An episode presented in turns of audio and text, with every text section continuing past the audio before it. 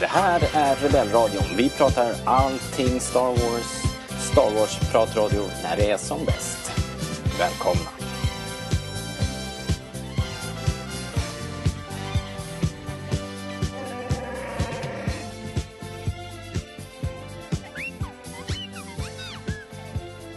Då så, vi är en dryg vecka in på det nya året. The Last Jedi går för fullt på bio. Den blev den största filmen 2017 om man räknar kronor och ören. Och vi är eh, bara några månader ifrån nästa Star Wars-äventyr på bio. Och innan dess så ska vi få upplösningen på Star Wars Rebels. Det är härliga tider. Det är gott nytt Star Wars-år. Du lyssnar på Rebellradion. Svensk Star Wars-podcast i samarbete med Star Wars.se och jag heter Robert Lindberg. Välkomna till en ny poddsäsong.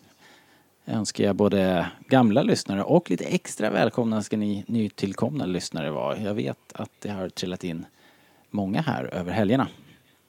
Kul att ni, hittat, att ni har hittat hit. Um, I panelen idag så har jag två Star Wars-entusiaster utöver det vanliga. Först Alexander Johansson, Star Wars-samlare av rang och ägare av Kiss the Exhibition. Välkommen! Ja, tack, tack, tack, tack. uh, alltid härligt att höra din röst. Uh, har, uh, har helgerna varit till belåtenhet? Den har varit, det har varit väldigt till belåtenhet. Jag har faktiskt inte gjort så mycket, men det, det är väl så det ska vara kanske när man är ledig. Ja, man ska bara äta. Jag, har, man, jag har ätit och rört mig minimalt. Ja, perfekt. Blev det några Star Wars, Star Warsiga julklappar då? Mm, nej, blev det det? Jo, jag fick en dörrmatta med Yoda på. Där det står 'Welcome you are' står det på, på dörrmattan. Och så en bild på Yoda. Perfekt. Utmärkt. Ja, just. ja, ja. Ja, och så tänkte jag skulle hälsa eh, filmskaparen och Star Wars superfan Rasmus Tirsitis välkommen också.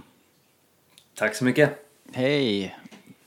Hörru, jag såg att din senaste långfilm, Vilsen, den visades på japansk tv häromdagen. Ja, det stämmer. Hur, hur sjukt är inte det liksom? Det är sjukt coolt. Ja, det... men så jäkla häftigt. Och så förstår man också lite hur pass lång tid det tar. Jag menar, filmen hade premiär, eller vi släppte den eh, hösten, vintern 2016. Mm. Eh, förra våren så blev vi kontaktade av den här japanska distributören som hade hittat filmen och ville inleda ett samarbete med oss. Och nu så visas filmen på nationell tv i Japan. Ah. Så att det går ju liksom inte snabbt. Nej. Men det är otroligt roligt. Ja, det är ju fantastiskt. Vilken Mm. grej. Vad heter det? Vad vet du om det liksom? Har ni, har ni fått så här tittarsiffror och grejer? Nej, inte än. Nej. I, inte än. Men eh, det kommer vi få veta eh, så småningom, misstänker jag. Eh, men Alltså- den kommer gå två tillfällen till. Jag tror att det var den eh, 17 januari och sen den 4 eller 7 februari också. Ja, men det här är ju fantastiskt roligt. Vi kanske måste, vi kanske måste förklara det här lite grann. Du är ju eh, filmregissör till, liksom, till professionen. Ja, Eh, och den här filmen som vi pratar om nu, den heter Vilsen och eh, en, ja men en ganska eh, påkostad independent-film. mm. En, Stämmer bra det. eh, det är en, eh, vad, vad, hur, hur brukar du presentera den? Vad, vad är det för genre? Det är en polisfilm fast också lite Det är en, eh, liksom. det är en thriller med ockulta inslag. Just det. Mm. Ja, finns den på Netflix fortfarande? Nej, den har inte funnits på Netflix utan den finns Nej. på iTunes, eh, SF Anytime, eh, Telia Play, eh, alla såna här streamingtjänster. Eh, Netflix ser vi än så länge som sluthållplatsen för filmen. Mhm, Okej, ja ja. Men, eh, men folk kan ju hitta den om de vill då. Så Vilsen alltså. Precis. Häftigt, kul. Kul Mm. att det har rullat på så, så bra liksom. Mm. Men, eh, men det är inte det vi ska prata om egentligen. Vi ska ju prata lite mer om The Last Jedi idag och då särskilt Luke Skywalker faktiskt. Vi eh, tänkte eh, gräva lite djupare där och, och så ska vi köra en intervju. Jag har pratat med droidbyggarna Matt Denton och Lee Tousry. Uh, och så ska vi köra årets första Vem vet what? Okej? Då kör vi. Alright. När vi träffar eh, Luke Skywalker i The Last Jedi så är det ju liksom inte den här hoppfulla sökaren och läromästaren och legenden som vi kanske hade väntat oss. Och framförallt har Ray väntat sig något annat, en mäktig jedi-mästare. Men eh, både Ray och Star Wars-fans från jordens alla hörn, de, de möter ju en uppgiven och desillusionerad Luke, eh, liksom till synes en skugga av sitt forna jag, långt ifrån den här hoppfulla jedin som vi ser på Endor i slutet av jedins återkomst. Um, Rasmus, eh, så här kort inledningsvis bara. Du får samma fråga som vi inledde vår spoilerspecial med här senast. På en skala från 1 till 5 ungefär. Hur väl stämmer The Last Jedi Luke överens med dina förväntningar som du hade när du gick in i biosalongen? Ja, förväntningar skulle nog säga att de stämmer Ja, men möjligen fyra av fem. Ja, okay. eh, li, li, lite utifrån det som vi pratade om förra gången du och jag att vad behöver man göra med den här karaktären Luke som är så pass ikonisk som han är. Han är ju som du sa hjälten och det här hopp, den här hoppfulla karaktären som vi ser i slutet på Return of the Jedi. Vad gör man med en sån karaktär? Det finns ju tyvärr inte allt för många vägar att gå och att just bygga vidare på det vi såg sist, det funkar inte riktigt. Så att jag var förinställd på att vi kommer få se en annan look än den vi kan förvänta oss. Ja. Du hade inte blivit eh, lurad på något sätt av eh, trailrar och så utan de hade telegraferat det liksom korrekt. Ja, det tyckte jag. Ja. Det tyckte jag. Eh, Alexander, var det, hur, hur var det för din del då? Var det, var det samma sak där eller hade du andra förhoppningar? Nej, men det var väl lite grann det om man bygger på hur det såg ut då i slutet på Force Awakens och där när han liksom träffade Ray och det där så kände man på något sätt att det här är liksom en kille som har dratt sig undan och han vill liksom inte... Jag hade, jag hade nog förväntat mig liksom en sur gubbe liksom. Mm. Det var ju lite grann det vi fick. var en sur gubbe som, som inte ville ha någonting med någon att göra ungefär. Och, och, så jag hade nog, jag hade nog ganska liksom... Jag hade nog de, de förväntningarna att det blir nog något, något åt det hållet. Mm. Det är, hade jag, ja. det är intressant för att nu, då är vi tre här, vi är på ganska samma våglängd och jag tror att det var ingen som gick in och kände sig lurad egentligen. Så man undrar lite grann vad, för det har gnisslats lite grann på internet ju. Och Luke, uh, hur han framställs, har varit en vattendelare lite grann, verkar det som. Um, så, jag tänkte vi skulle prata om det liksom, hur, dels hur Luke hamnade där eh, han är och hur vi fans då verkat hamnat så pass eh, så pass snett liksom. För att eh, det är inte som att de inte har eh, talat om hur det ligger till. Det har hintats ganska friskt tycker jag i eh, liksom trailar och den här uh, lilla featuretten som kom så, så säger ju både Mark Hamill har jag för mig att eh, det är liksom inte den Luke som jag, har, som jag hade väntat mig. Och eh, jag har för mig att Ray också säger någonting liknande. Eller vad heter hon? Eh, Daisy Ridley. Men eh, nåja. Eh,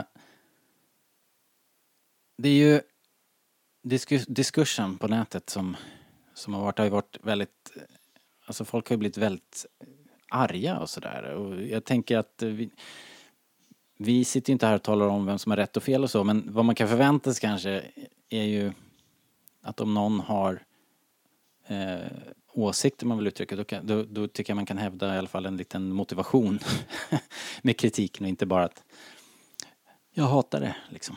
Så vi ska försöka vara lite mer nyanserade än så. Det brukar vi ju vara. Men, men har ni varit ute på Facebook eller på nätet och, och, och, diskuterat där? Har ni märkt något av det här? Jag vet att du Rasmus har ju, du har ju skrivit en artikel till exempel. Hur, hur har den bemötts och sådär? Um, nu har jag ju inte skrivit en uh, artikel för Last Jedi riktigt ännu.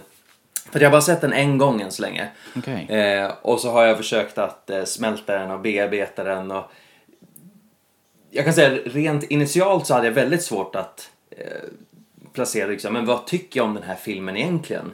Mm. För det fanns en hel del som jag tyckte var jättebra i filmen men sen fanns det också en hel del som jag tänkte, oh, fa vad fan är det här för någonting? Jag tyckte den var väldigt ojämn tonmässigt. Jag tyckte den var lite för lång.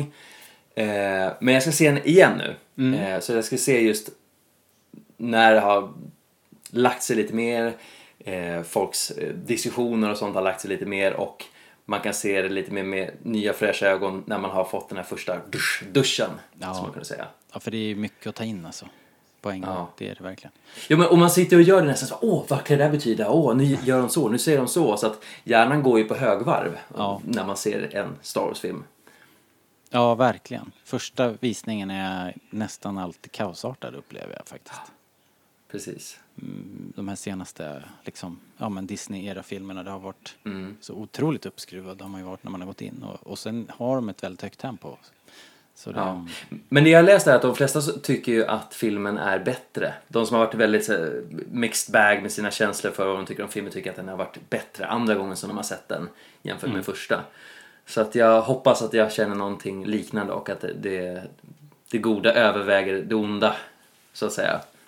Ja, Men jag, skulle, jag kan ju definitivt säga att det är ingen film som jag hatar. Jag kommer inte bannlysa liksom, Star Wars, de här nya Star Wars-filmerna på grund av det jag sett. nej.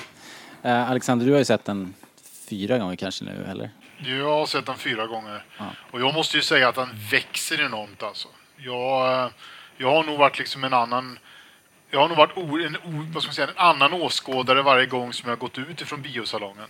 Mm. För att först, första gången man såg den så var det nästan som, man var satt ju där helt vet, paralyserad och man liksom, man missade ganska mycket första gången också.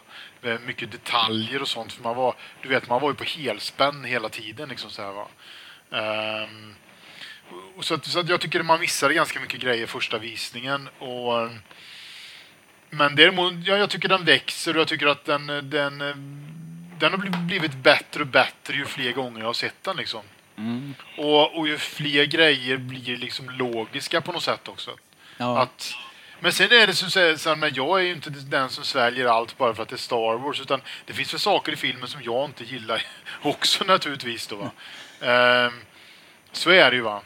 Men, men ehm, sen, är kanske, det- sen är det ju extremt svårt att, att göra alla nöjda. Det går ju inte liksom. Det är ju helt omöjligt. nej, det är ju inte rimligt liksom att tänka. Nej, det, det, det är inte rimligt. För, och speciellt när det är någonting sånt som folk bryr sig så mycket om också. Som har så mycket kärlek och passion för. Då, då, det är ju nästan, det är nästan självmord att göra de här filmerna egentligen. För att, för att jag menar, det, det är svårt. Det är jättesvårt liksom. Ja. Ehm, Ja men verkligen. Eh, vi ska...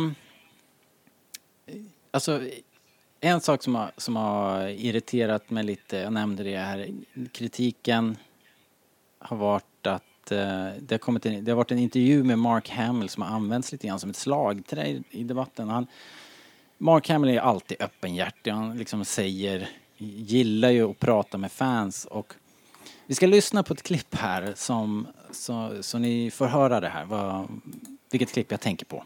I had trouble accepting what he saw for Luke. But again, I mean, I have to say, having seen the movie, I was wrong. I've seen this raw strength only once before. It didn't scare me enough then. It does now. The biggest writing challenge for me was Luke Skywalker, you know, because he, as you can see from the poster, he looms large over this movie. I think the world of Ryan Johnson. Uh, I said to him, I totally disagree with what you think about Luke. Where, where does it make sense for his head to be at, figuring out what part he was going to play in this film? That, for me, was kind of the big gorilla of this movie. Luke says, It's time for the Jedi to end. Huh? Once I cracked that, then I felt like, okay, I think now we have, now we can get into it and tell our story. How could this happen? What could have happened to this guy that he would wind up the most hopeful, optimistic guy, now this bitter old cynic? And this is the chapter where we're going to challenge all these characters. We have to really push them to extremes, and uh, that means the actors are going to be asked quite a lot. I think being pushed out of your comfort zone is a good thing because if I were just another benevolent Jedi training young Padawans, we've seen it, and nobody can do it better than Alec Guinness, and I shouldn't even try. It's not the Luke from the original trilogy, it's the Luke from the new generation. Ja, som ni hör, det här är det är Mark och eh, Ryan Johnson som är ute på promoturné. Eh, Alexander, vad tänker du när du hör det här resonemanget? Mark är ju, han beskriver ju precis det som kanske man själv kände. Att vad är det här? Vad, vad, vad är det här? Är det här verkligen Eh, Luke? Är det verkligen Luke, ja? Och, och, ja, det, det, det är en bra fråga. Alltså personligen så, som jag sa tidigare, så blev jag liksom inte förvånad att det var den Luke vi fick som vi fick, så att säga. Däremot så kanske jag känner att han kunde liksom ha, ha fått vara en, en, liksom, en grym Jedi Master under den här filmen, för att det har vi inte fått nu då. Utan i, i, i, i ehm, Return of the Jedi så var han ju liksom, då var han ju inte riktigt fullärd än på något sätt liksom. Och sen så nu då så, så blir det det här. Så att man, man hade gärna velat se någonting däremellan. Ja. Kan man, kan, kan man tycka då va. Ehm, men samtidigt så, så köper jag ju på något sätt att, att storyn liksom måste gå framåt och sånt också. Och det, det, utan att gå in för mycket på det så hade det ju varit intressant om, om, om som det har diskuterats också, om sociala medier hade funnits då i början på 80-talet. Vad, hade, vad hade folk egentligen tyckt då liksom? Hur många hade gillat kanske att, att Darth Vader är Lukes pappa till exempel? Eller att, att uppföljaren till, till eh, Empire Strikes Back har liksom nallebjörnar och någon stor snigel som är bad guy liksom. Ja. Eh, hur, Det är hur, jätte, jättefascinerande för hur många gillade det 83 Ja. egentligen då? Hur gick snacket då? Nej men precis, när, när liksom Jim Hensons Muppets gick på tv eh, Ja. varje dag säkert i USA och sen så kommer George Lucas och ska försöka övertyga folk om att, Ja. att, eh, att det här är faktiskt något helt annat och det är för vuxna och det funkar, ska funka liksom.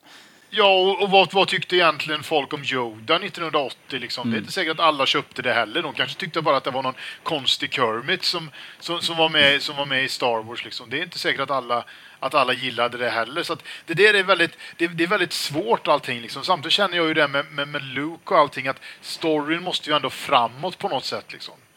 Man, får inte, man kan ju inte liksom stampa i samma, i samma liksom spår hela tiden så.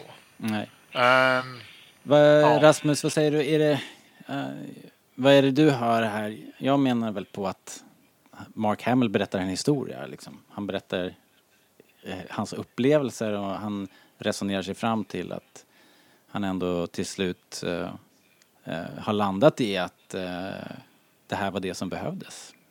Mm. Jo men man, man ser ju väldigt mycket det att eh, eller man, han sätter ju in sig lite i fansens tänk, Mark Hamill, för att han precis som alla andra har ju levt med att Luke levde happily ever after den här eh, ikoniska slutdelen i Return of the Jedi.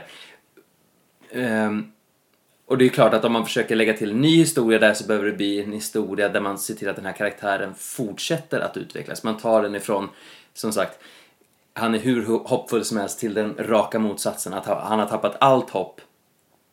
Och... Eh, får se vad, vad jag skulle säga med just det.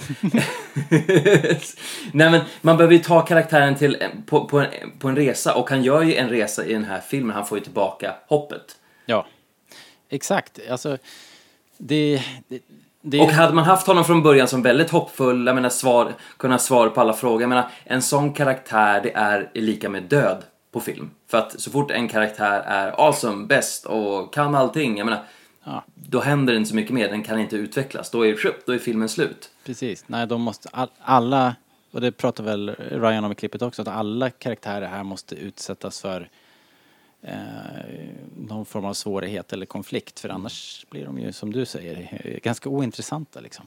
Ja. Så det och var det inte rimligt, drygt ett år sedan också som Daisy Ridley hade gått ut med och sagt att, eller kanske var till och med var vi Comic Con eh, i somras när eh, att eh, Ray när hon möter Luke så blir det som att man ska inte möta sina idoler.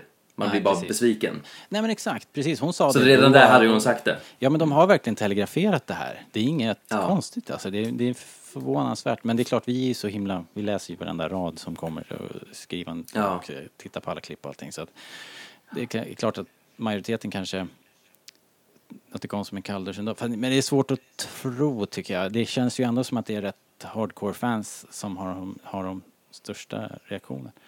Ja. Men allting som jag har läst om just att åh nej men det här är inte, hashtag not my Luke och hur de jämför med just den här legacy-serien från Expanded Universe.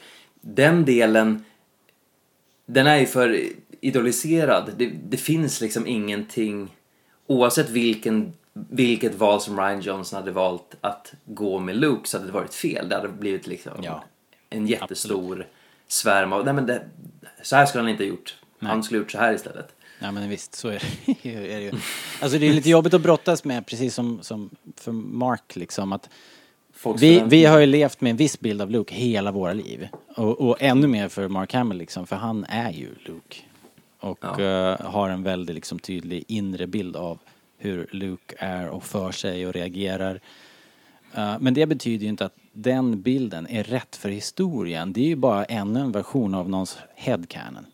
Nu råkar det vara Marks headcanon som han beskriver i det här klippet vi hörde nu. Och, och, ja, ju- den ger ju lite mer genomslag än till exempel min headcanon. Men, men som sagt i slutändan så tror jag att det vi får i The Last Jedi är ju liksom, det är ju liksom uppfriskande. Och jag tror att den här filmen kommer att växa och hålla ganska länge alltså. Ja, man kan ju inte samtidigt klaga på att nej men vi vill inte se sam, eh, mer av detsamma och så när man får någonting nytt då, är- då är det inte bra heller. Nej. Nej. det Eller också ser olika skaror av människor som, som eh, ger skri. Liksom. Så om, det, om det blir någonting för likt det vi har sett för, förut då, då är det publiken som vill ha någonting nytt som bara skriker till skyarna. Och får vi någonting helt nytt, ja, men då är det de här gamla trogna inbitna fansen som säger att Star Wars ska bara vara unisont, det ska inte vara några förändringar eller någonting. Då är det de som skriker. Så att, Möjligen. Det är ju så stor, det är ju så stor fanskara så det kanske finns en, en liksom så här sleeper cell för varje, Ja. för varje Ja. version. eh, som får ett utbrott liksom så fort det kommer någonting oavs- helt oavsett vad det är. Det känns lite så. Det går inte att vinna. Lucasfilm kan inte vinna liksom. Men det häftiga med den här filmen ändå, måste jag säga, som är fascinerande att det är en gigantisk blockbuster som ska tilltala en bred publik från 7 år upp till 60-70 eh, och allt däremellan. Och ändå så låkar, lå, vågar den ta ut vissa svängar och vara så pass nära en, eh, en ny Star Wars. Som man kan säga, vi vill ha en ny Star Wars och det var det vi fick. Ja, ja men exakt alltså. Det är ju modigt får, får man säga. Sen, sen jag säger som, som ni att, eh, eller som du sa Alexander, att det, man, man gillar inte allt med filmen men på det hela taget är det ju en stor prestation. Ja, det, det var väl lite av det- som han fick väldigt god kritik av i pressen och sånt också. Det var just en modig film liksom. För att Force Awakens fick ju ganska mycket kritik för det, för att det var en fanfilm om man säger så. Ja. Och, och, och då är man ju åter där igen liksom. Är det, är det en fanfilm vi vill ha eller, eller ska, ska vi Ska vi få exakt vad vi vill ha eller ska vi få någonting helt annat liksom? Ja. ja, men det är precis det jag menar, att när folk har vant sig och satt sig ner i båten, lugnat ner sig lite grann, då tror jag, de här- då tror jag den här filmen kommer växa och bli mycket Ja. viktigare liksom. För att den är, det är något helt nytt och Luke gör något Ja. helt nytt och hans ark får ett fint slut liksom. Ja, jag tycker det. Och sen gillar jag ju när, när Yoda var med. Jag tyckte det var jättehäftigt. Jag, jag gillar ju Yoda som karaktär. Och däremot var det ju också någon, någon kritiker som skrev det att ah, det sämsta i hela filmen det var när Yoda var med. Det var ett riktigt sömnpiller var det Ja, någon, det någon var kritiker Aftonbladet, som skrev. tror jag. Ja. Ja. det var Aftonbladet som skrev det. Ja. Och, och, nej, det, det, det är ju också liksom... Och så gillar jag ju det här när, när man, när man första, första bilden, när man får syn på Yoda, när man bara ser öronen på honom ungefär, eller han bara skymtar förbi där. Det var ju helt, det var helt fantastiskt liksom. När man, man bara shit, vad var det liksom, tänker man så Det gick ett sus genom publiken. Ja, men det gick, det gick verkligen, eh, för, första visningen där, det var verkligen sus genom publiken där liksom. Vad heter det, Rasmus, hur var din, hur var din visning? Var det bra publik och sådär? Det var en väldigt eh, lugn norrländsk publik. Så att det, var, det var inga hurrarop eller någon speciell tjock stämning. Nej, okej. Ja, ja. Eh, en i mitt sällskap som jag gick och såg filmen med, hon hade aldrig sett eh, Star Wars förut. Så att efteråt när vi hade sett filmen så frågade jag henne just "Ja, men hur var det att se den här filmen bara kastas in i Episod 8? Hade du någon aning om karaktären någonting? Och hon tyckte ju inte om filmen. Nej. Helt klart. Nej, nej. Nej, men det är klart, det, det, det krävs väl i alla fall att man har lite, lite, man måste väl åtminstone ha sett den förra förra, för episod 7, minimum känns det ju som. Ja, ja. Men, men eh, min, min visning var ju som en rockkonsert liksom. Det var ju helt galet. Det var ju, det var ju så att taket lyfte nästan liksom. Det var, ja, det var fantastiskt. Vi gick ju på kvällen här och det var, det var också bra fart alltså. Folk var glada och skrattade och tjoade liksom. Så det var kul. Det, i, på premiärdagen. Men hörni, en annan grej, en annan vattendelare, det verkar ju också vara Lukes gigantiska misslyckande med Ben. Eh, vi får ju se några varianter i flashbacks eh, och Lukes handlingar här, eh, Rasmus, går, går de att förklara? Alltså hur ser du på att Luke liksom till synes faller ner i mörkret igen och för liksom om en bara ett ögonblick tänker mörda sin sovande systerson? Ja. Vi får ju se så, så otroligt lite så att det, det blir väldigt lätt att man broderar ut att just den här, det här kanske mörkret som han ser hos honom. Jag menar, det kan ju ha pågått hur länge som helst kanske från och med att han första gången möter sin eh, systerson att det är no, något hot som börjar byggas redan där. Det vet vi ju inte. Nej. Men det är ju också, är inte det också då den här filmens, ett av filmens stora problem? Att, att när man gör en film som är så rapp och liksom ska hela tiden framåt, framåt, framåt. Ja. Så de här små, liksom... Fast vi väljer ändå spendera otroligt mycket tid på en kasinoplanet. Ja, precis. Fast det är ju också liksom karaktärsutveckling då, men, men ibland känner jag att de lägger, de lägger tiden på fel saker. Om du förstår. Ja. Att man skulle vilja haft lite mera eh, karaktärsutveckling på, på vissa ställen. Lite mera kontext liksom. Eh, för att vi som är vana att sitta och spekulera, vi kan ju, vi kan ju rationalisera det här och förstå kanske men men är det inte lite svårt att tänka sig... Alltså det är väl lite svårt att tänka sig en tillfällig lapsus liksom, även hos en hjälte som Luke, att han liksom... Det, det här är ju inte någonting som hände just den kvällen, precis som du säger. Det måste, han måste Nej, ha varit det, du måste ha byggt upp balans, till någonting. måste Varför är han där från början? Ja. Han, han måste ju... Alltså han kanske känner att han håller på att upprepa ett stort misstag med Ben. Allt historien håller på att upprepa sig och sen så när han får den här visionen, han står där, att den här framtida Ben, Kylo Ren då, mördar alla som han håller kär. Ja. Leia, Han, Chewie, R2, alla Padawans, Amiral Akbar, allihopa liksom.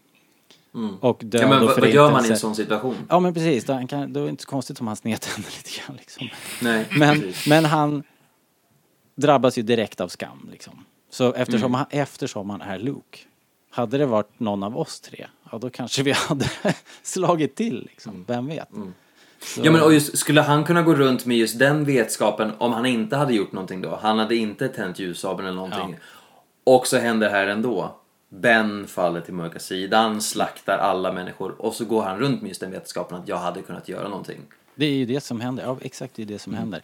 Det är en eh, otroligt viktig pusselbit till, till hur filmen utvecklar sig. Ehm, jag tycker ju att det här, folk har ju gnällt som fan på det här, jag tycker det här är nästan, det här är ju bland det troligaste, det mest, liksom, det mest sannolika och trovärdigaste vi ser i hela filmen liksom. Ja. Men även om det går fort, det går ju undan liksom. Jag gillar att man får se olika versioner ur det. Ja, det är härligt.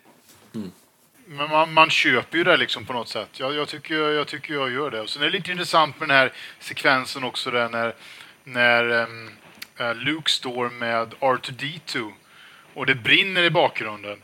Vi, visst fasen fick man se en sekvens av det i trailern till Force Awakens. Ja. Japp, det är också med, Ja. det är också med i Rays vision. Eh, Ja. I Maskanata, en, ett, ett klipp. Där, För, att jag kommer ihåg, för jag kommer ihåg när jag såg Force Awakens första gången där, då tänkte jag, vad fasen var... För då kommer jag, ihåg, kommer jag ihåg det där klippet som man hade fått se i trailern och då var inte det med i filmen och jag fattade ingenting där. Vart var, vart tog det klippet vägen liksom? Nej, det var nog nedkortat ja, precis. Ja, jag bara, jag bara kom på det nu att det var... Ja, jo men absolut. Och det är ju coolt att de sydde ihop det. Ja, Den, den storyn hoppas jag på något, den är ju väldigt fascinerande just. Men vad hände egentligen med, med Ben, med Skywalker, allt, alla de här trådarna som man har placerat ut. Jag hoppas att man inte får svar på det. Att det är någon som bara börjar rabbla upp det. Men först var det så här, sen händer det här, sen händer det här, sen händer det här. För att, att, att man just kan sitta och ha de här diskussionerna, tänk om man hade gjort på det här sättet eller varför tänkte han på det sättet. Det är ju tjusningen med Star Wars att det finns så mycket mer. Att det kan vara så pass djupt du vill eller så ytligt du vill. Men det handlar om vad du själv som publik kommer in med för inställning. Ja, exakt. Och, eh, ja precis. Att det inte är en färdigtuggad eh, välling eller smoothie som du bara häller i dig där allting är färdigt utan Nej, Det finns i det här vissa bitar fallet så som är lite skrivs man, ju, skrivs man ju inte på näsan. Det, det tycker jag i och för sig att man får eh, ibland eh, på andra håll i filmen. Men just i det här fallet Mm. så är det ju är det kul att kunna spekulera lite. Och de spinner ju verkligen vidare med den här from a certain point of view. Ja, exakt. Precis. Som också är en väldigt så här schysst eh, efterkonstruktion ifrån eh, eh, Obi-Wan där. Ja. So what I told you was true from a certain point of view. Ja. Och det har blivit, det har vi, pratade vi innan, i kanske inte i förra podden, men att det har de verkligen eh, som företag nu, Lucasfilm, anammat. Ja. Eh, när de förut var väldigt petiga just i serier och böcker med att skriva in exakt när saker och ting utspelades på tidslinjen, vem som gjorde vad och när det var. Det där har de ju skrotat helt nu och nu när de skriver så är allting mycket luddigare. Och det kommer böcker som är liksom konstruerade så att man inte riktigt vet.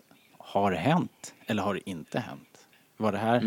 För det skrivs lite mera på som eh, eh, folklore liksom.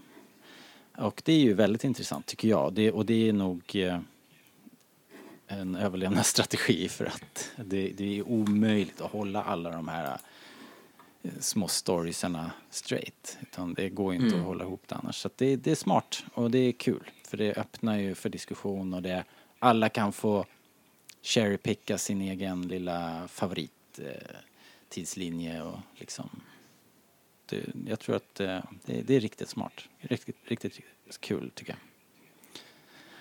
Um, en annan grej som jag tänkte på, det här med Lukes inställning till kraften och Jedi-orden. Um, ehm, hur känner ni för det? Eh, som jag har förstått det så har Luke liksom kuskat runt i galaxen uh, och hittat Jedi-ordens alla äldsta texter och tempel och ändå då efter alla efterforskningar så då konstaterar han att Jedi-filosofin i allt väsentligt är fel väg att gå. Um, eh, Alexander, är det, är det också så som, som du ser det här? Hur, är det så det hänger ihop? Eller har jag liksom missat någonting? Nej, alltså det... Det känns ju kanske logiskt på något vis. ehm, Men han har ju, han har ju på något sätt tappat all tro på, på kraften och det. Det säger ju Ray till honom också. Att du har ju liksom tappat all tro på detta liksom. Du, du, eh, jag vet inte riktigt vad jag ska... Men han förklarar liksom hur kraften fungerar för henne på Ja. ett väldigt tydligt sätt. Hur den är liksom en mera så här, ja men verkligen det här binds the galaxy together som en universell Ja.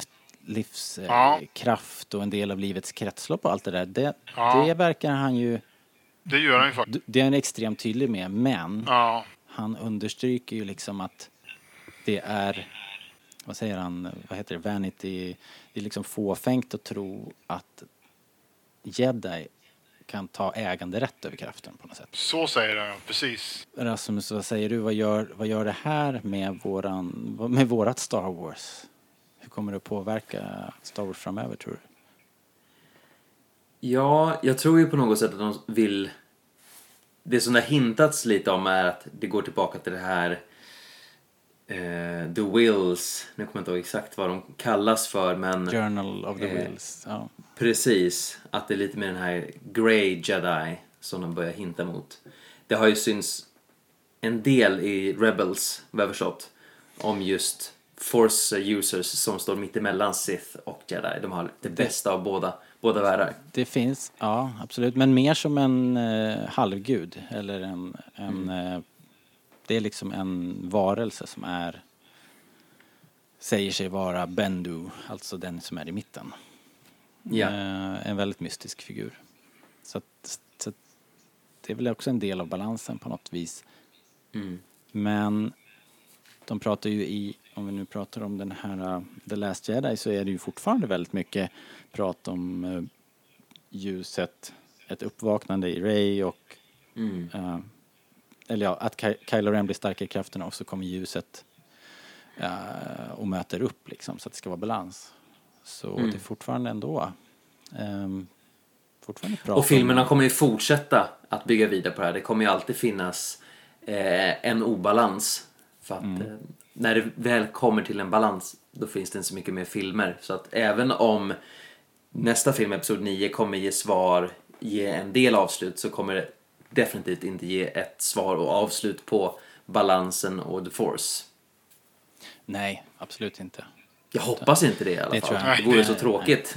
Nej, Det vore ju väldigt tråkigt. Jag, jag tänker precis tvärtom att nu har de nu har de ju verkligen lagt en ny grund på något sätt som är väldigt öppen och, och där, där, där många spelare kan röra sig liksom. Det kan komma flera konstellationer här där ja men kanske inte just Sith eh, dyker upp igen utan ja, det kan ju komma upp andra force uses av alla möjliga slag. Ja, så gillar jag ju den här slutscenen med den lille grabben också. Det tyckte, det tyckte jag var skitbra. Eh, den slutscenen där. Det var också en del folk som hade problem med det, men jag tyckte det var skithäftigt att man liksom... Ja, att man ser att han står där med den här ringen på sig och allt det där. Att det på något sätt finns en, liksom en ny generation på något vis då, att de ville lyfta fram det.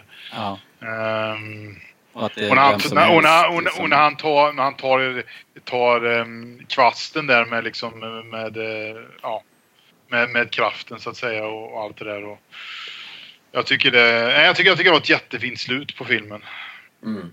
Det bygger vidare väldigt mycket på det som de vill etablera med Ray att inte hennes föräldrar var av någon betydelse, att det inte var Skywalker, eller Kenobi eller Palpatine utan att hon är en nobody som kommer in men har alla de här förmågorna. Och på, på Ja. samma sätt ser vi också den här lilla killen som är Ja. en nobody. Men Born hade- in the gutter och har force. Där är ett exempel som jag tycker där de skriver oss på näsan, så vi pratade om det alldeles nyss, att det, ibland gör de det bra och ibland mindre bra. Här, Ja. här blir det nästan för mycket. Jag tycker att vi kunde ha fått ett intressantare uh, släktträd för Ray och ändå liksom så hade de kunnat eh, befästa det här att kraften finns hos alla och vem som helst kan bli en jedi.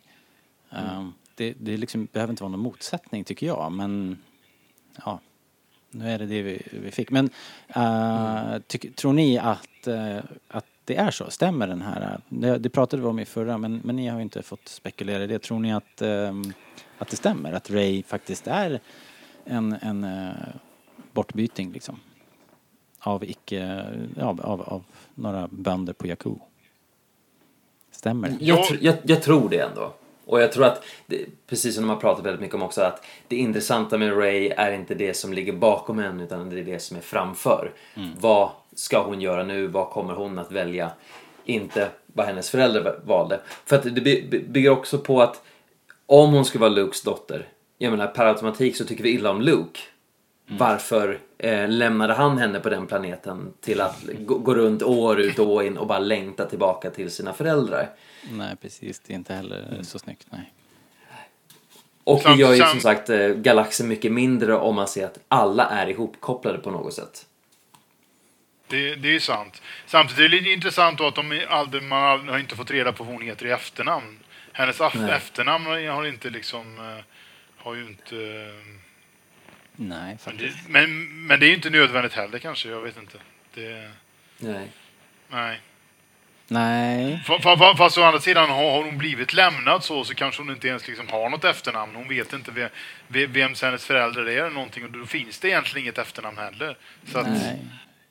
Det känns ändå väldigt eh, märkligt. Det är väl inte helt, eh, det är väl inte konst, det konstigaste i den här historien kanske. Men, nej, nej, men... Nej, nej, men nej. jag tänker jag då. Men Alltså, det, det, jag håller med dig helt och hållet. Uh, vad heter det? Det, det var ju också, alltså Luke däremot, han, Luke håller ju liksom fast vid den här övertygelsen att han benfast i sin övertygelse. Han tänker elda upp liksom de sista kvarvarande relikerna och stanna på den här ön och dö. Uh, men så ändrar han sig ändå till slut då med Yodas uh, eh, hjälp där och räddar rebellerna precis som sin gamla läromästare en gång gjorde för honom. Um, Luke projicerar sig genom hela galaxen, möter Kylo Ren. Insatserna är liksom svinhöga men kanske inte riktigt som man tror först liksom. Uh, Luke offrar sig och trots allt och sådär. Och det finns, det finns så himla mycket här. Är det... Är, tyckte ni att slutet var värdigt eller borde han ha lämnat ön? Är det... Hade det gjort någon skillnad om han hade fiskat upp sin gamla X-Wing och, och kommit dit och varit där fysiskt liksom? Jag, jag hade nog gillat det mer. Fast jag, jag känner väl att jag kan köpa detta också. Eh, det var ju ändå en ganska häftig scen där mot, mot eh, Kylo Ren och, och det var ganska häftigt. Det missade jag ju första gången att när, han, när de går på marken där så ser man ju inte Lukes fotspår. Nej, just det. Och det missade jag helt först, första visningen. Missade jag helt och hållet. Och det, det tycker jag är ganska fräckt liksom. Så då ser man nästan med en gång att, liksom att han, eh, ja, han, han är inte det rent, rent, eh, vad ska man säga? Hur ska man förklara det? Han, han är inte det rent, rent fysiskt eller Nej, vad ska man, nej. nej. Ehm, men eh, jag vet inte, jag kanske hade köpt det mer om man, hade- om man hade lämnat ön på något Ja. sätt då. Jag förstår ju egentligen inte vad det är för någonting som hindrar samma slut i det, i det vi fick se. Va- varför kunde han inte ha lyft upp X-Wingen och åkt bort till Crate, mött Kylo och haft just ett så här riktigt Obi-Wan moment där han bara försvinner. Ja, Det vet jag inte riktigt. nej, det hade Det, kanske det, funkat. det, hade ju, det hade ju funkat det också.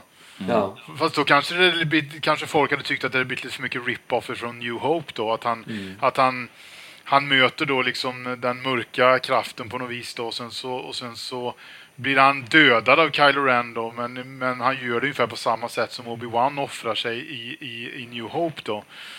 Att det blivit för mycket rip-off där på något sätt. Jag Ja, vet inte. men, nej, men jag är på din... eh, Jag har, den, den tråden har jag nystat i också, Alexander. Att liksom, det, det här är nytt, men ändå samma. Eh, Och sen så blir det värdigare slut där han får liksom vara i, helt i frid på Act 2 på Klippan och eh, det är ju så snyggt slut liksom. Så, Ja, det är eh, så jag, jag föredrar nog det faktiskt. Men eh, ja, det... det Men om man tänker utifrån Kylo som karaktär. Om vi hade, vi hade sett honom döda Han Solo. Om vi hade sett honom verkligen fysiskt döda Luke. Hur hade vi sett på honom som karaktär då? För att de försöker fortfarande ge lite det här skenet av att det finns ändå ett litet hopp om att han kan komma tillbaka till ljuset. Men hade man kunnat köpa det om han hade dödat Luke också? Nej, det hade nog blivit svårare. Det kan jag faktiskt hålla med om. Exakt, det är ju faktiskt också en eh, bra poäng alltså. Ja, det hade, det hade det nog. I mina ögon hade det varit mycket svårare. Faktiskt. Um, sen måste, måste man ju ge faktiskt, i den här filmen måste man ge ännu mer cred till Adam Driver för han är en fantastisk Oh, ja. skådis. Ja. Eh, och jag tycker att han blir bara häftigare egentligen när han inte har hjälmen på sig. Så jag tycker bara att han är coolare när han, när han liksom är utan hjälm. Jag tycker bara det blir Ja. ännu bättre. Han har det ärret i ansiktet och liksom... eh, ehm, ja, nej. Men just hela hjälmen i sig är ju ett väldigt häftigt koncept. Att han bär ju den för att han vill dölja sitt, sin historia, han vill dölja sitt släktskap. Men också på det sättet koppla honom ännu närmare till den här ikonen som han vill vara. Han vill ju vara Darth Vader och leva upp till det. Ja, ja. Det är sant. Eh, ja, M- Men jag, håller- jag håller helt med. Det är Adam Driver som lyfter eh, den filmen och, och gör den intressant. Jag menar scenerna mellan eh, Ray och Kylo, det, det kunde jag sett mer av. Fantastiska scener tycker jag. Och det var ju också, eh, har- Ryan Johnson sagt vid något tillfälle, att det är därför som det här eh, nya Force-kraften eh, uppfanns. Liksom, för att han ville ha dem tillsammans. Han behövde ha dem på samma plats. Liksom. Så det är ju smart liksom. Och det är coolt också, det, det tror inte vi sa i podden, men, men min son Jakob som, som hörde vad vi satt och snackade om, han sa men det här är inget nytt. Han, jag tror han skrev det i något inlägg på Facebook att det är faktiskt inte första gången vi ser det här utan det har de kört ett varv i Rebels. Eh, därför att ehm, Yoda dyker upp och visar sig för, för de hjältarna där. Och vid det, vid det laget när, när Rebels utspelar sig, då lever Yoda fortfarande på han, han sitter ju på Dagobah då och projicerar sig över galaxen till en grotta på uh, Lothal. Så Ja. eh, Och vi har, vi har ju sett lite mildare varianter där de ändå pratar med varandra och kopplar både i Mm, Empire Strikes Back men också Return of the Jedi. Där de pratar med varandra. Men, men då är det på något sätt som att de kan det är lite mer telepati.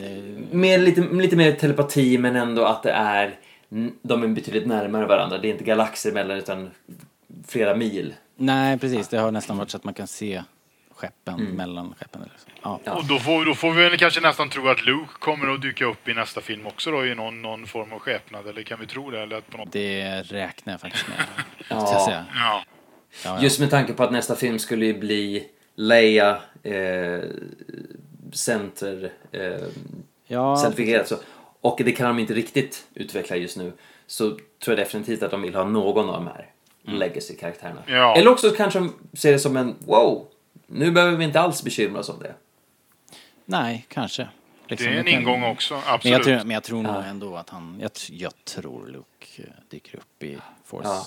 Ghost. Om man, jämf- om man just jämför eh, Force Awakens, slutet där, då fanns det en viss antal alternativ åt vilken riktning som nästa film skulle ta just Last Jedi.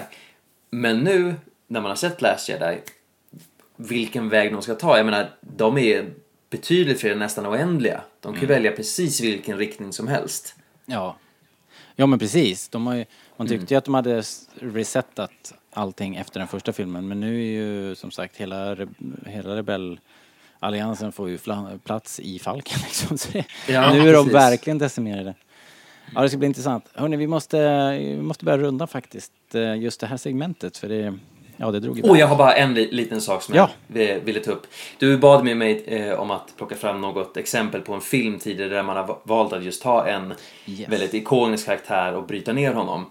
Och eh, det mest eh, liknande som jag kom på bara spontant är ju eh, Clint Eastwood i Unforgiven. De skoningslösa. Just det. Clint Eastwood som ni vet är ju den här superikoniska cowboyen from the good, the bad and the ugly. Och i The Unforgiven så är han ju raka motsatsen. Han är inte den här snygga eh, cowboyen som skjuter bäst utan han är ju sliten, neralkad.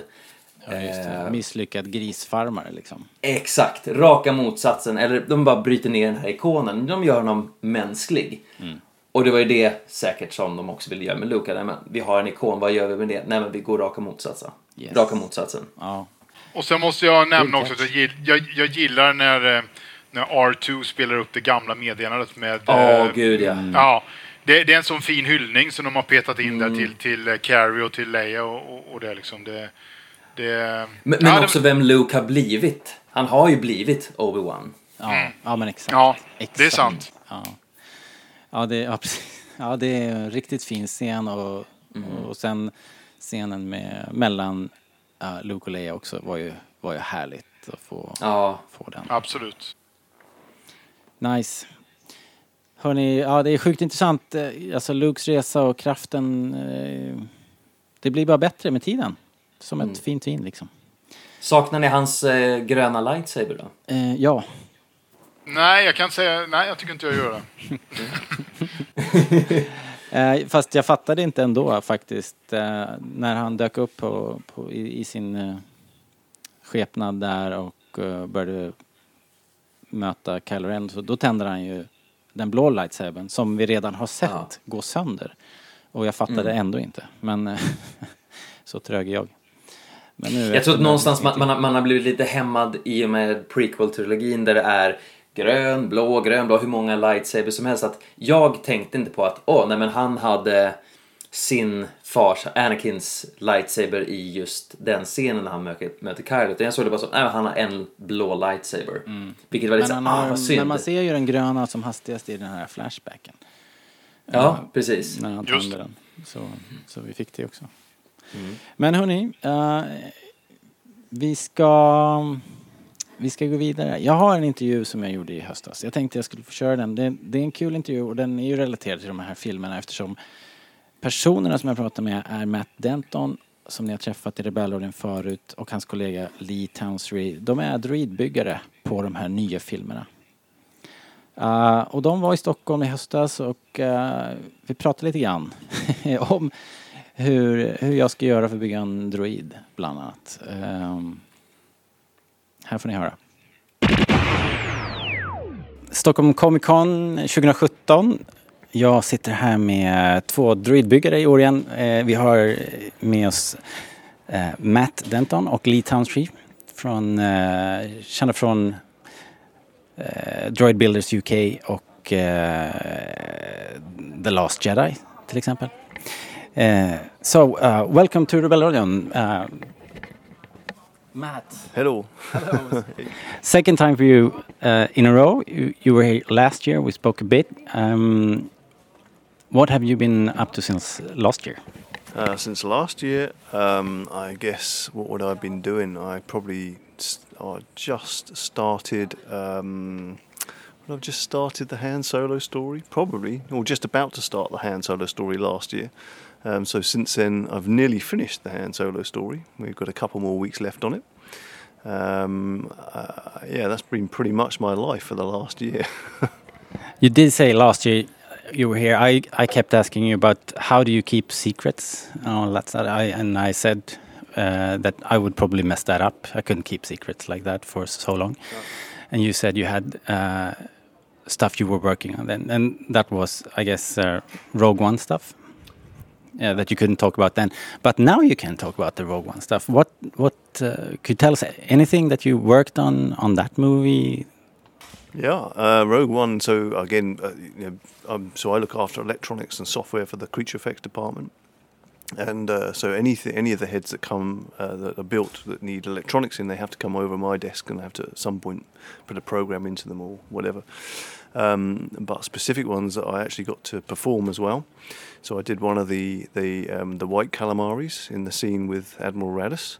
I was performing one of those, and uh, Bistan, the space monkey, that was one of mine as well. And then we, I shared that performance with someone else. I got busy on another character, so he took over. So you were in the suits? No, no I was doing the face. I was puppeteering the face. Okay. So yeah, sorry, I should make that clear. There was other people in the suits, and I was puppeteering the faces. Um, and what else did I do on that one? I can't remember now, but there was there were so many characters in Rogue One. But K2SO maybe. K2SO, um, we did a, an animatronic test for, but that all went digital ultimately. So that was a digital. Yeah, we did, and our department developed that character. Uh, Luke Fisher was his design, uh, and, the, and, a full-scale model was built for lighting reference. Um, but ultimately, that was a digital effect. So. Okay, cool, very very cool. Um, Okay, and then welcome to uh, Mr. Lee Towntree. Welcome. Hi, Robert. Nice to meet you. Likewise. Um, you are, much as your uh, your colleague uh, that was here uh, last year, uh, Oliver Steeples, you were part of the UK Droid Builders Club and then met, I think, uh, um, Kathleen Kennedy in the Star Celebration Germany, and then you went off and worked on the uh, the Force Awakens. Is is that correct? Um, it's close. Yeah, it's um, Oliver and I did work on the Force Awakens, building the R2s amongst other things in the model making department of the creatures. Uh, but I wasn't at the celebration event. It was Oliver and quite a few other guys were there, but unfortunately I couldn't make it. But Oliver and I had worked together previously on R2 jobs with Lucasfilm, and I guess because of that, Oliver asked me to join him at Pinewood for the initial talks with Neil Scanlon before we even knew we were going to be offered a job. And um, what went on from there is, sure enough, there was a, there was a job for me. And um, Oliver now isn't any there any longer. He decided that the Force Awakens was enough for him, and he's he's got another job now. But I've stayed, and um, I'm now on my fourth Star Wars film. That's amazing. I mean it's just incredible just to think that there is so much Star Wars in development at the same time. Um, so you've you've been here now a, uh, few days now at the at the con, and uh, you both were you had a panel today, I think, which I unfortunately missed. But was uh, this is about building droids uh, and helping people getting started building droids on their own. Is that is that correct? Indeed, yes, that, that's right. Um, it's still nice. My roots are down to building where I started, building an R2 as a hobby, which has obviously ended up working in the film. But uh, I still like to, to, well, we both still like to share as much information as we can, and that includes building an R2 from where I started, building from home. Um, there's different ways you can build an R2, different costs. You know, the, the, the more money you throw at it, the, the, the heavier and the better quality it is. But we just try and encourage people to join the club and build their own R2 if they've just, you know, got a slight inkling that they want to do it. It's uh, hopefully it makes them go ahead and get get an R2 built. Yeah, I I have that uh, sort of that that interest, but it it does look uh, almost impossible for me. It looks like a, a, a too large of a project to to even consider. I don't. I I just wouldn't know where to start. I should have gone to the panel, I guess, uh, gotten a few tips. But where do you where do you start?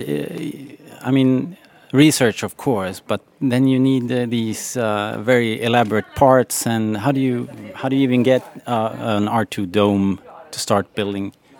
Well, the, the first thing you need to do is join astromech.net, which is a worldwide forum which has all the information you need.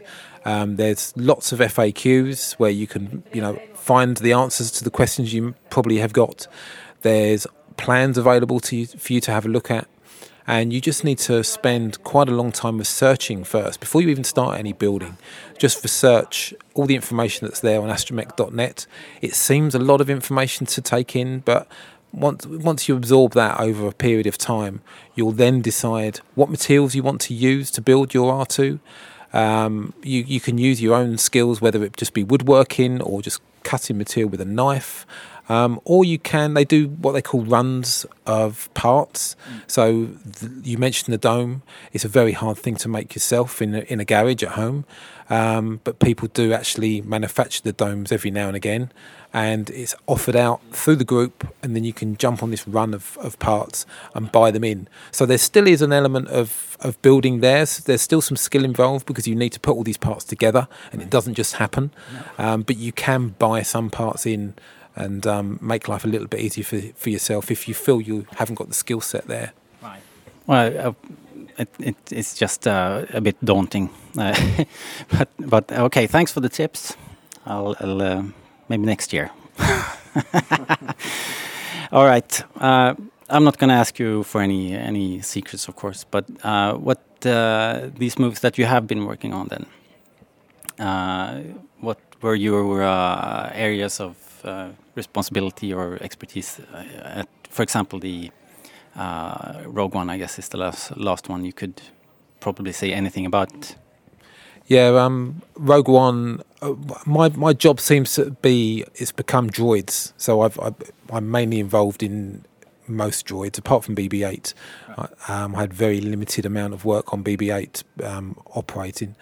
Um, but it's, the droids I've worked on, I'm, I'm always controlling R2 now. Oliver and I shared that on The Force Awakens. But if R2's in any scenes, pretty much all the time I'm operating that if I'm available.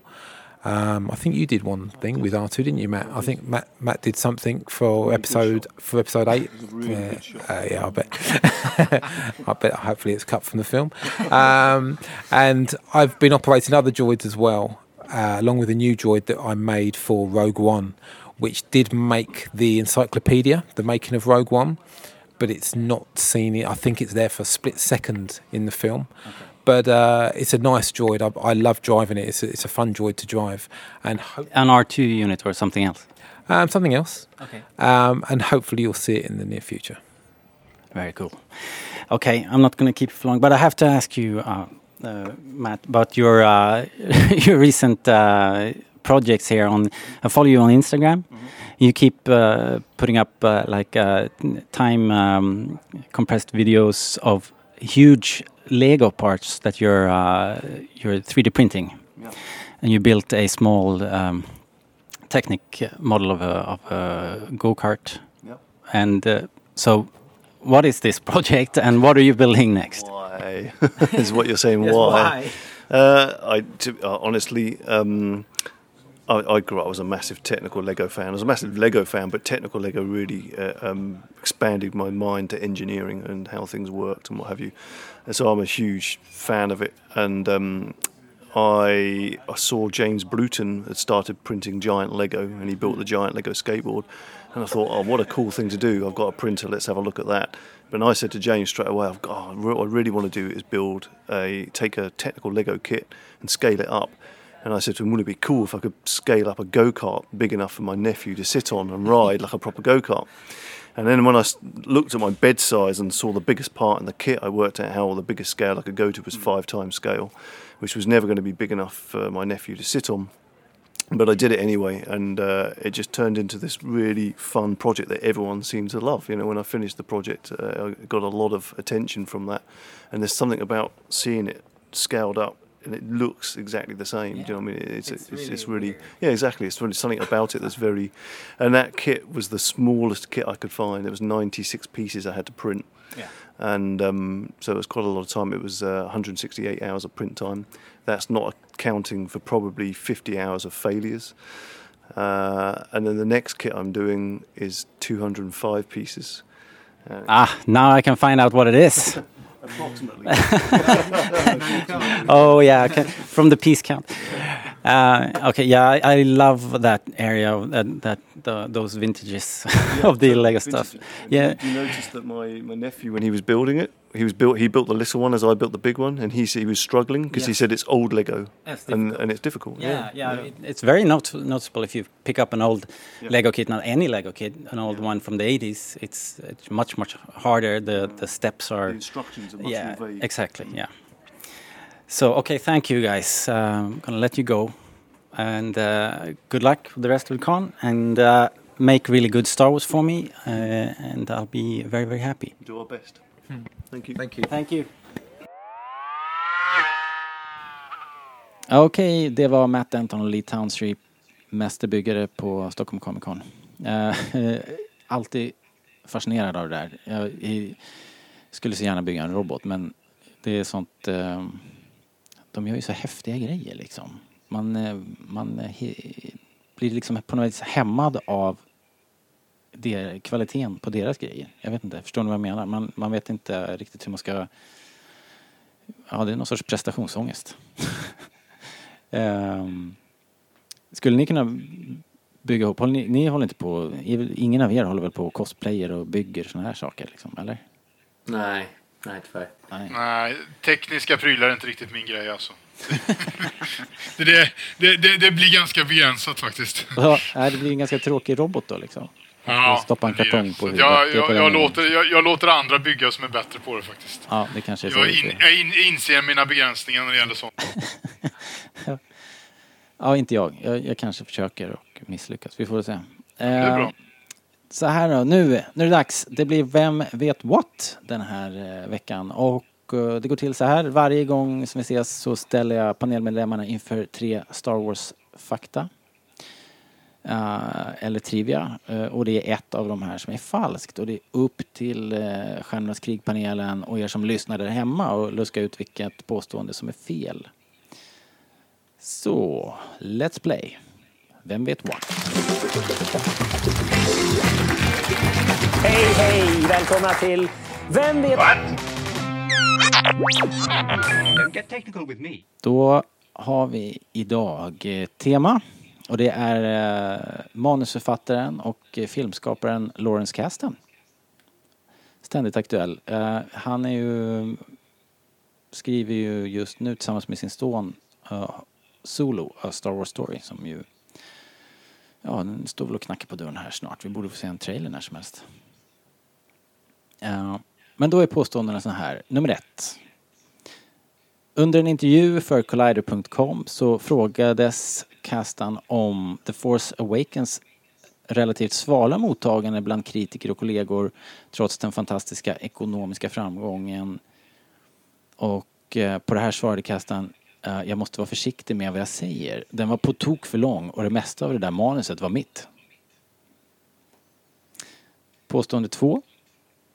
när JJ Abrams och Lawrence Kasdan tog över The Force Awakens-manuset så var de helt överens om att ledordet de ville bygga den nya tidens Star Wars kring var delight. Glädje. Uh, det var alltså viktigare att det skulle bli en rolig snabb film snarare än uh, världsbygge och mytologi. Mm. Påstående tre. Kastan var helt oprövad manusförfattare 1979 när Kastan lämnade in sitt första stora författarjobb. Indiana Jones-manuset som han hade jobbat på i ett halvår för Lucasfilm så kontrar George med ett nytt jobb direkt utan att ens ha läst Raider-manuset. Kastan och George färdigställde manuset till Rymdimperiet slår tillbaka på mycket kort tid. Endast sex veckor. Hmm. Jaha, vilket är fel? Alexander, du får börja idag. Uh, vilket är fel? Det är väl det här... Det måste ju vara mittenalternativet. Delight, det låter ju jättekonstigt. Eller jag vet inte. Jag tror att... Jag tror att eller, I och för sig, Indiana Jones-manuset, var de inte med alla tre och skrev det? Han skrev väl inte det själv, Lawrence? Det var inte, var inte både Lucas och...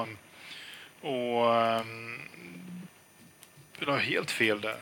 I samtliga de här tre, kan jag säga, så är ju uh, det inte en författare som har skrivit allt. Nej, precis. precis. Men skrev han... Skrev han verkligen Riders bara så?